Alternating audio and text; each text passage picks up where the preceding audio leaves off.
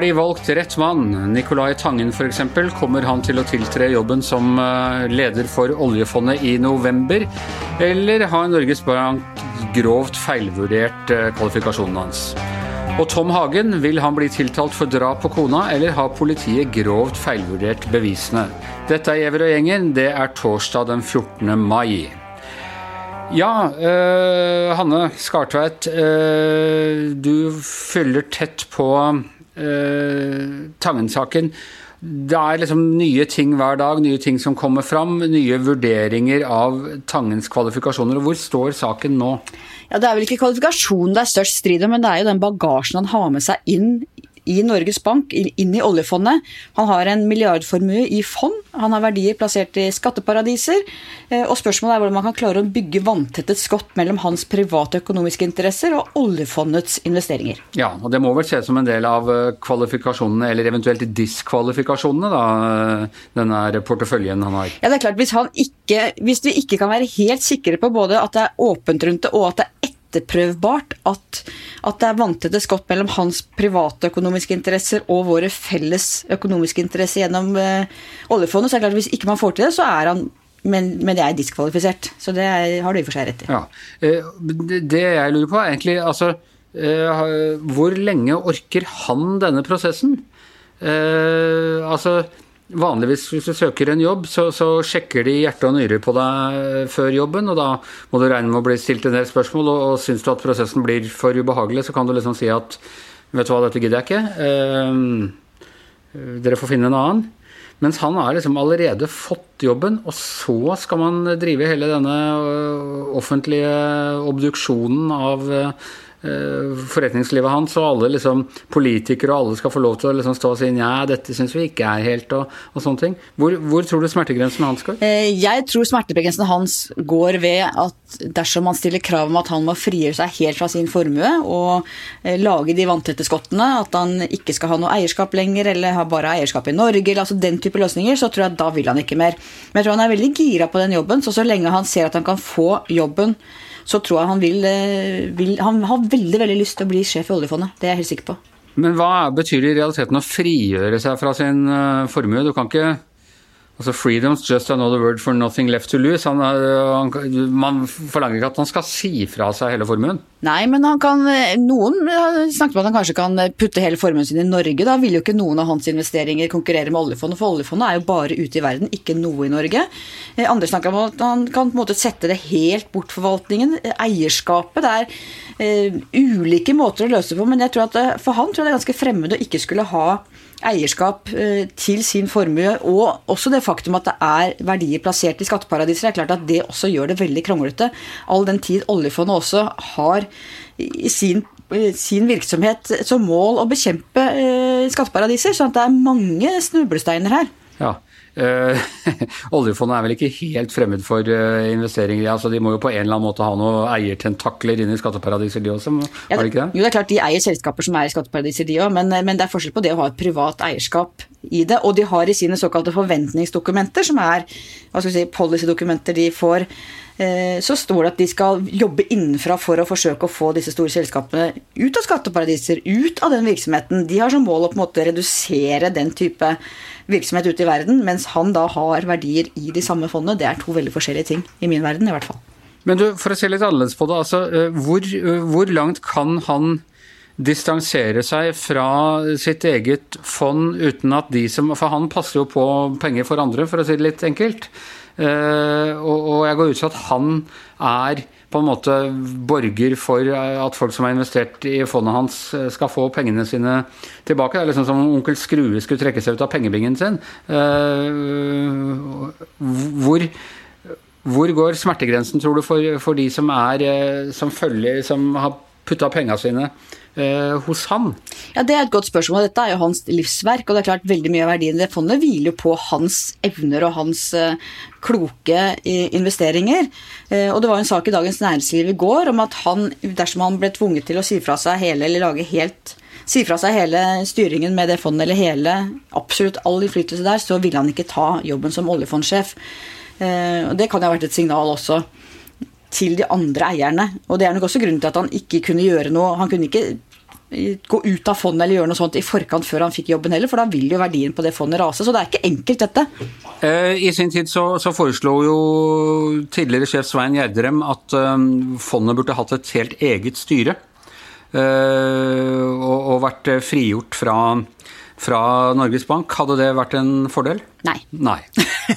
det tror jeg ikke. Det var interessant, for Svein Gjedrem er jo både tidligere sentralbanksjef selv og tidligere departementsråd i Finansdepartementet. Eh, og han gikk jo da i dette Gjedrem-utvalget som det het, inn for tre ulike alternativer. hvor Det første var at oljefondet skulle få lov til å flytte hjemmefra, noe de har drømt om lenge. Yngve Slyngstad drev selv ganske aktiv lobbying for å få til det. Mens både Stortinget og Finansdepartementet sa at nei, vi skal fortsatt ha demokratisk kontroll med et representantskap, og det skal ligge under Norges Bank. Og det er det som på mange måter har gjort uh, at denne prosessen er blitt såpass uh, komplisert uh, som den har. For nå skal alle ha et ord med et lag og en finger i paien. og og representantskapet som ingen visste hvem var, egentlig var, og, og hele sulamitten? Ja, det er interessant. Representantskapet, Norges Banks representantskap, jeg tror de færreste av oss hatt et intimt og nært og fortrolig forhold til det. Det har jo vært litt, sett som et litt sånn supperåd, egentlig, som vi ikke har forholdt oss til. Og nå spiller de en veldig, veldig viktig rolle i hva skal si, den demokratiske kontrollen med Norges Bank om oljefondet, som jo er vår felles sparebøsse. Ja, øh, vi får se. Uh, problemet er selvfølgelig at, uh, at han Tangen blir utsatt for en ganske dårlig behandling av uh, hva skal jeg si, både av norsk offentlighet og, og av Norges Bank og, og, av alle sammen, for egentlig bare å ha søkt på en jobb. Eller vært, vært interessert i en jobb.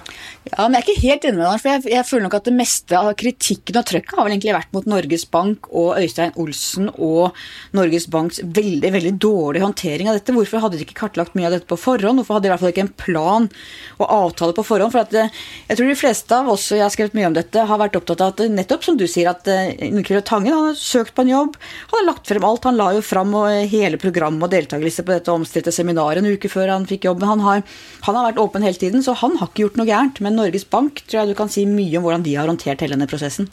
Derfor er min sympati ikke så veldig stor uh, for dem. Men uh, vi skal over på, på, en annen sak som også dreier seg om hvorvidt man har rett mann. Uh, Astrid Mæland, det har vært veldig mye frem og tilbake. Vi hadde en sending her Eh, for en uke siden, du og jeg og Thomas Giertsen. Eh, da måtte, måtte, vi gjøre omtak, for mens vi satt der, så, så ble det foretatt uh, ny arrestasjon. Uh, Tom Hagen slapp fri. De, de foretok en ny pågripelse, i hvert fall, av en person som ble sagt å, å vært innblandet, og som hadde ekspert på kryptovaluta. Uh, han var siktet, var det sånn, for bortførelse, var det det? Nei, Anders, først var han sikta for, eh, for, drap eller medvirkning eh, til drap, akkurat som eh, Tom Hagen. Han kryptomann, da, som vi kan kalle han, han er en mann i 30-åra som ble tatt inn i en politiaksjon torsdag kveld, rett før det var snakk om at Tom Hagen skulle ut da, dagen etterpå. Og så ble han satt i avhør av politiet. Men, ja. Men kan, hun kan jo ikke både ha blitt drept og bortført. Hun kan selvfølgelig ha blitt bortført og senere drept, men det, henger disse tingene sammen, egentlig? Nei, det virker jo ikke sånn akkurat slik eh, det står nå. og Det er jo forsvareren til Tom Hagen flink til å påpeke i media òg. Eh, og jeg er jo for så vidt enig med ham når han sier at et, eh, et dødt menneske kan ikke bortføres. Det er ingen som kan bli sikta og tiltalt for å bortføre et dødt menneske. Og politiet tror altså at Anne Elisabeth Hagen ble drept i hjemmet sitt tidlig på morgenen rundt klokka ni, mellom ni og ti den dagen eh, hun sist eh, ga lyd fra seg, den 28. oktober 2018. Um, bortføring kan det da egentlig ikke være snakk om lenger. Men eh, er det disse to politiet konsentrerer seg om, altså Tom Hagen, ektemannen, og denne såkalte kryptomannen, eller er det flere? Vet du noe om det? Det vet jeg ikke Anders. De sier jo hele tida at de etterforsker bredt. Det har jo blitt et ganske stort eh, ja, kjekling i offentligheten nå om den eh, etterforskninga. Det er jo mange som går ut her nå og kritiserer politiet. Både forsvareren selvfølgelig, og det er jo jobben deres, men òg familien til Tom Hagen har jo via forsvarer og i TV 2 har søsknene til Tom Hagen uttalt seg og vært kritiske til politiet, redd for at de eh, har fått tunnelsyn, at de ikke ser på andre teorier, at de har hengt seg opp i denne drapsteorien som barna og familien avviser eh, og ikke kan tro at det er sant. Ja. Politiet har jo tatt til, til motmæle på et vis, som er litt sånn overraskende. Det er jo milde ord, da, men altså de rykker ut med pressemeldinger og står på sitt og sier at Tom Hagen er sikta for drap. og De har jo havna i en juridisk krangel her, partene nå, fordi politiet vil jo fortsette å ja, bryte opp gulv og undersøke komma og hjemme hos Tom Hagen og på hytta hans, mens han er altså en frimann, men ikke får komme tilbake til hjemmet sitt og til hytta si. Og det her skal nå opp i, i retten igjen, da, fordi Eh, når ikke lagmannsretten fant skjellig grunn til mistanke for drap, så har de heller ikke egentlig rett til å drive med sånn type inngripende beslag, ransaking, som de gjør nå, mener forsvareren til Hagen. Eh, og han er altså da i den litt vanskelige situasjonen at han er fortsatt siktet.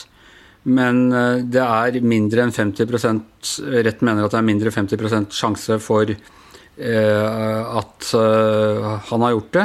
Og dermed, hva skal du si, matematisk, juridisk, så, så jo, vil han jo ikke kunne dømmes hvis ikke man kan legge fram uh, altså det må, det må, være godt over 50% sikkerhet på at han er skyldig for at han skal dømmes i en norsk rett. Ja, det er jo en lang, lang vei. Utover enhver rimelig tvil. Ja, det er en lang vei å gå uh, for å ta ut tiltale i denne saken her, slik som det står nå. De trenger mer bevis. Lagmannsretten har sagt at de syns det er mindre sannsynlig at Tom Hagen har drept kona si Eh, eller motsatt. Eh, og det er altså da bare sannsynlighetsovervekt som er kravet for å få eh, Tom Hagen varetektsfengsla. Ikke engang det fikk politiet til. altså Det er mindre enn 50% sannsynlig, mener retten, for at han har drept kona si eller medvirka til det. Og hvis en skal ta ut tiltale, så er det jo sannsynlig altså Da må det være utover enhver rimelig tvil, som Hanne sier. Og det må jo være 99% altså Du kan jo do the math. Det er ganske langt akkurat nå til en tiltale.